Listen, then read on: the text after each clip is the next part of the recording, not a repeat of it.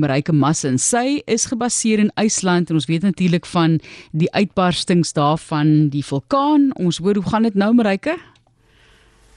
Haai Martelies. O, oh, goeie stem, maar ons het weer 'n paar woeste dae agter die rug hier in die land van vuur en ys. Nou, die vyfde vulkaniese uitbarsting in 3 jaar het Sondagoggend plaasgevind hier in die Reykjanes Peninsula, net buite ons dorpie Grindavik na 'n paar ure van vele aardbewings alweer. Ons wag eintlik nou vanaf die vorige uitbarsting in Desember dat die aarde nog 'n bietjie stoom en lava afblaas, want die grond om Grindavik het aanhou styg en dit met meer as 20 cm gelig sommer net die afgelope paar dae. So die druk het opgebou weet ondergrond met al die magma wat rondvloei. So onthou tydens die November aardbewings het 'n groot magma kanaal onder Grindavik gevorm. En die bekommernis dis was dat daar uitbarstings in die dorp kan wees as gevolg van al die krake en gate en tonnels wat gevorm het in die dorp. Grindavik was mos in November ontruim toe ons almal in die middel van die dag daar moes uit. Maar net vir Kersfees is toestemming gegee dat mense weer 'n bietjie kon terugtrek. So omtrent 80 huishoudings was die afgelope 2 tot 3 weke in Grindavik Maar laasweek het 'n konstruksiewerker in een van hierdie krake of kraters geval en is nog steeds nie gevind nie. So daar's nou hierdie tonnels en grotte onder die dorp en selfs 'n ondergrondse meer, so die risikofaktor is toe weer opgestoot en die dorp sou nou maandag weer ontruim geword het. Maar toe sonoggend so 3 uur het die aardbewings weer begin en dis so 'n swerm konstant, maar nie so erg soos die November aardbewings nie.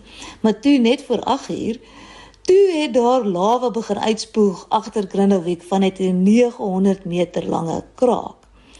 Ek was toe juis op pad werk toe en ek kon al vanaf Reykjavik hierdie oranje gloed en rook sien.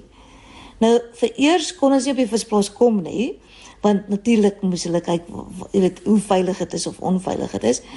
Maar gelukkig na omtrent 5 ure se wag is ons toegelaat om die visse te gaan versorg en gelukkig het ons nie skade gely nie. Ons kon die vulkane duidelik sien van die plaas af. En die afgelope paar weke was ook 'n groot beskermingsmuur gebou aan die een kant van Grindewek. En dit het die lawa vir eers uit die dorp uit gehou, maar toe Sondagmiddag toe daar skielik 'n kraak oopgemaak reg langs die woongebied in Grindewek aan die binnekant van die muur. Ons kon toe sien hoe spoeg hierdie vulkaan daar uit en teen vroeg aand het die lawa nou in die woonbuurt ingerol en drie huise ingesluk. So dit het toe heel vinnig weer solied begin word en vandag was die vulkaan in 'n baie kalmer. Daar word nou so gespekuleer of hierdie gereeld sal gebeur. Ehm um, dalk selfs vir die volgende 100 jaar want Hierdie vulkaniese stelsel was nou onaktief vir 800 jaar, maar nou is dit waarwyd wakker. Gelukkig het die geotermiese energie verwekking aanleg, sowel as die bekende Blue Lagoon, um, is dit nie geaffekteer nie, maar Grindavik het maar erge skade gely. Dit baie mense is nou weer sonder blyplek. Dis maar erg traumaties vir almal, veral soos die lawa in die dorp ingerol het. Ehm die buitetemperatuur die week is ook yskoud.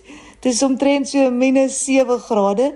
So ja, ja, werklik ons beleef land van vuur en ys. Maar dit bly nog steeds 'n uh, met 'n once in a lifetime avontuur. Maar definitief met 'n bietjie meer stres as wat ek oorspronklik verwag het. Uh, ek moet self nou weer begin huis soek want ja, Grindewik gaan vir 'n geruime tydjie nie reg wees verbly nie. Groete vanuit die noorde. Baie dankie Marike Massen, marinebioloog gebaseer in IJsland wat ons elke nou en dan op hoogte van sake bring in daai deel van die wêreld.